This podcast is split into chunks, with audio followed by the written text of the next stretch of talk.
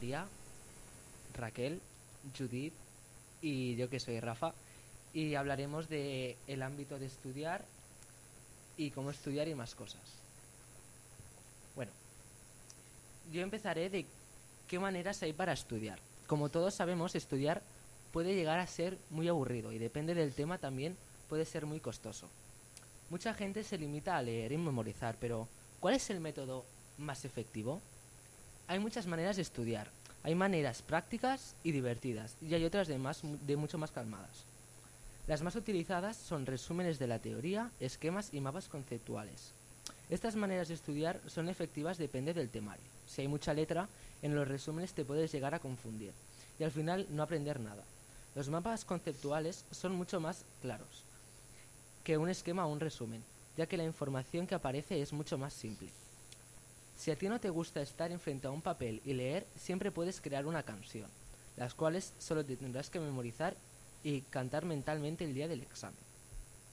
Otro modo para estudiar, el que es más efectivo en casos de tener que estudiar historia o guerras, es hacer un pequeño teatro con algún compañero o algún familiar. Después de hacer esta pantomima, eh, entenderás el temario mucho mejor y más claro, que no haciendo un resumen. Dicho esto, para mí el mejor método de estudiar es hacer un teatro, narrando acontecimientos de la historia. Te lo pasas bien y además aprendes con un amigo o un familiar. Y para vosotras, ¿cuál es el mejor método de estudiar? Pues para mí, yo creo que más lo de los resúmenes, porque como lo ves todo más, yo lo veo más claro, entonces pues me parece mejor los resúmenes. Bueno, yo lo que siempre hago es pues me leo todo y pues luego hago un resumen o un esquema y ya está. Y a mí personalmente me agobia bastante estudiar del libro, así que me hago primero mis esquemas y luego estudio directamente del esquema, que es más Sí, también es. Sí, claramente. Y ahora vamos a escuchar una canción. Muy chula.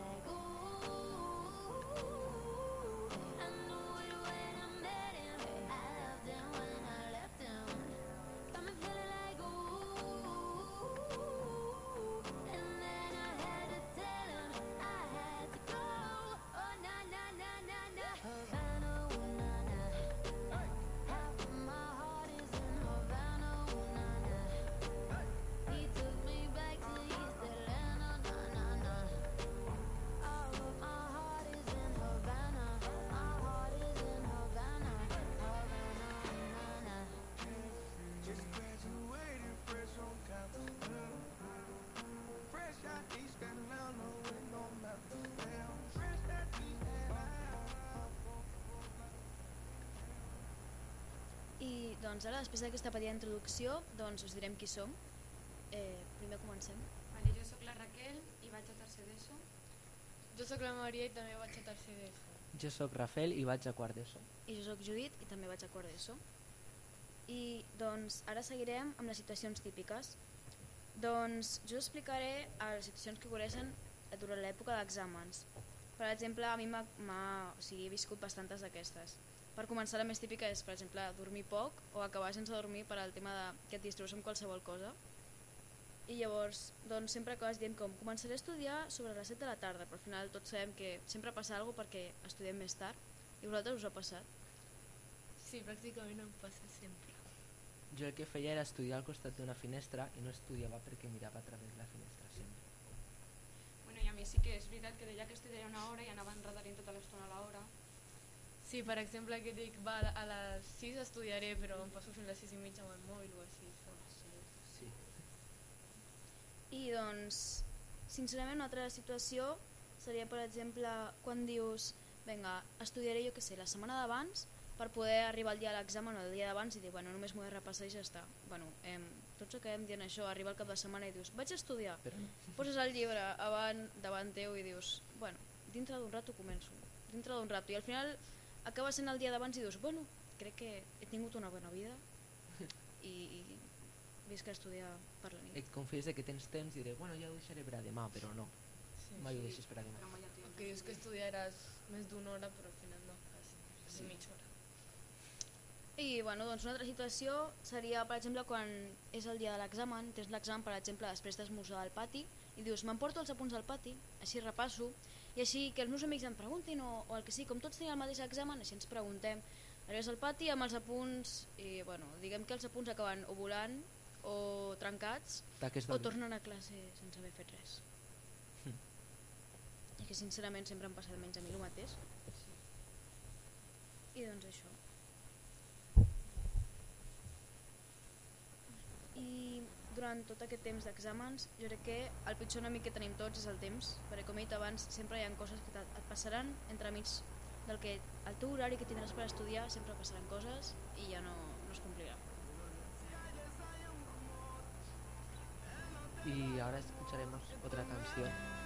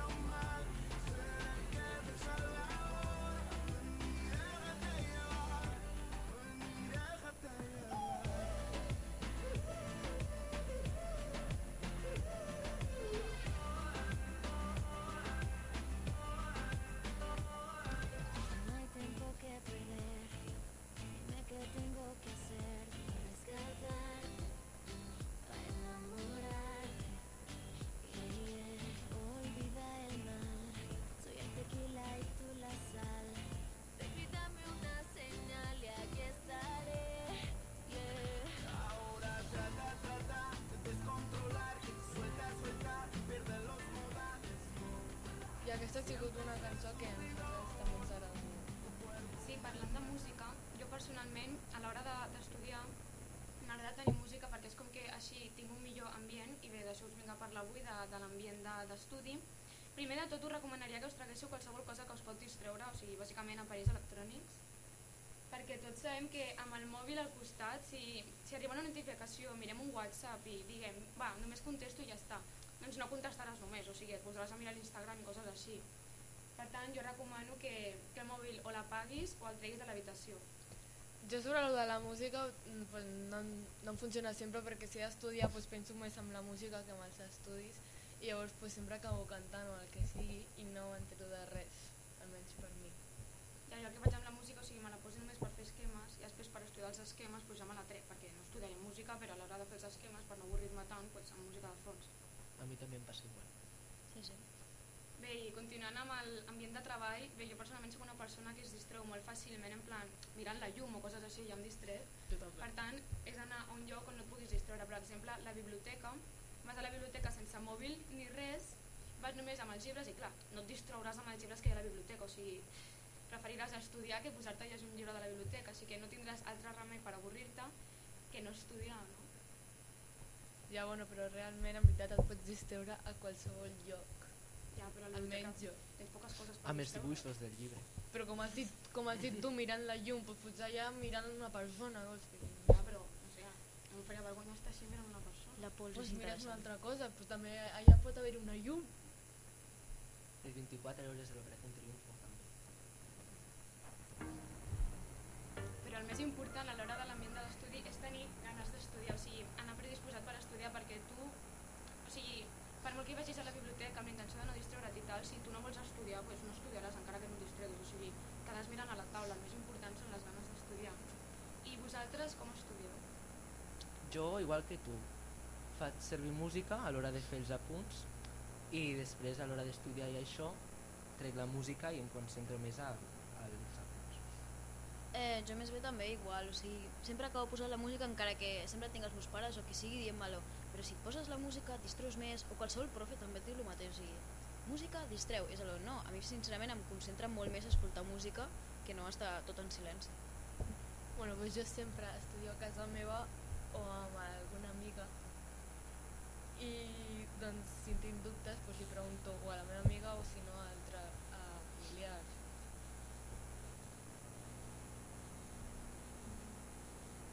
I doncs, sincerament, jo també, algú relacionat amb això és que jo, per exemple, quan he d'estudiar, jo no puc quedar amb amics meus perquè viuen una mica lluny del que seria a casa meva, llavors, doncs, el que faig és moltes vegades faig videotrucades amb amics meus per estudiar i al final acabes fent borrades a més d'estudiar, però hi ha vegades que sí que t'ajuda. Sí. Sí, a mi personalment, amb, la, amb ella, o sigui, quan quedem per estudiar, si estem com 4 hores, doncs estudiem una hora. En canvi, amb la videotrucada, doncs és com que et distreus, o sigui, no et distreus tant i estudiem més amb videotrucada. Jo no puc estudiar amb menjar de gana. No.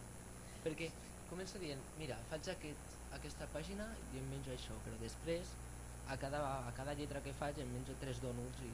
Jo igual. I a més, també sempre que menjo doncs he de menjar en plan tranquil·la mirant amb, amb el mòbil i tal, no, no puc menjar i estudiar. A més a més es taquen els apunts i ja... No sé, jo em poso un bol de patates i vaig picant i ja és que que embrutes tot, saps? I Sí. Jo, doncs prefereixo, Estan embrutats. prefereixo menjar mentre estic amb el mòbil o el que sigui. Com els petits descansos entre quan estàs estudiant i dius, vinga, vaig a prendre... est- Estudies mitja hora i dius, vinga, vaig a prendre'm un descans de... Vinga, 15 minuts. De tres dies, també. 3 hores més tard. Bueno, crec que és hora d'anar tornant, no? Sí.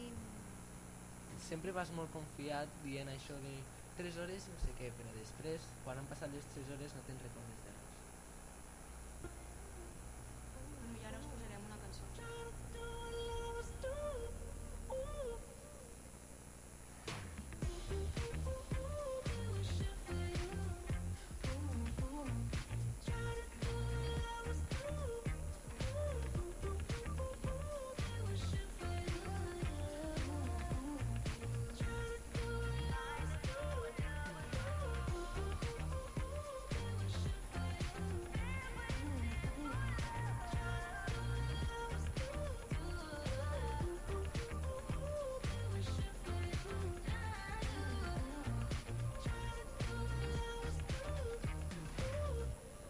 Doncs ara us parlaré jo sobre les recuperacions i doncs menjo eh, a quasi tothom moltes vegades alguna vegada li ha quedat alguna assignatura perquè li costa o perquè simplement no ha estudiat. I bueno, hi ha gent que li queda cada any i hi ha gent que només un cop a la seva vida. I bé, doncs jo parlaré d'alguns consells que podries tenir en, quan estudies les recuperacions. Vale, llavors primer de tot, òbviament, intenta estudiar durant el curs, però si per una X ra- raó eh, et queda el trimestre, pues, eh, doncs hauries de pues, estudiar més o menys com fas al curs, però aquesta vegada estudiar bastant més. I doncs és més o menys com el que he dit la Raquel abans sobre l'ambient pues que estiguis sol o si és en companyia però que t'ajudi i que no intentis que no et distraurà tant. Jo les vegades que he anat amb una recuperació les he vist molt més difícils que un examen parcial o un examen global. Perquè pensa que un parcial, mm, a l'hora d'estar en un parcial no veus tan important com, com a l'hora d'estar en una recuperació. I penses, si, si suspenc aquesta recuperació estic fatal. A veure, la tensió és més gran en, un, ai, en, en una recuperació perquè dius això depèn, aquest examen depèn de la meva nota. Però a veure, un parcial només és un tema i la recuperació és tot el trimestre, a no ser que et quedi per setembre que és tot el curs. Però a veure, a veure, per mi jo te, les que he fet han sigut més fàcil que el global, però sí que és veritat que també he estudiat més. jo sincerament és que mai he anat a una recuperació. Llavors, doncs, que Jo no he anat mai a una recuperació, però i espero un horari, sincerament. I Sí, doncs, jo, jo igual que tu, mai he anat i espero no haver-hi d'anar mai perquè, no sé, té pinta de que és, deu ser molt estressant, no? No, jo he anat poques vegades a una recuperació, però és un ambientillo relaxant, per dir-ho d'alguna manera, o sigui, no no hi ha tant d'estrès, però no, no estàs distret. A veure, també òbviament depèn de quantes et quedin, perquè si et queden 10, doncs, òbviament estaràs estressat, però si et queda una no ho estaràs tant. Depèn de la persona. Sí. Hi ha gent que li queda no i està relaxadíssim, i a una persona, hi ha una persona que li queda una i està bé. sí, sí.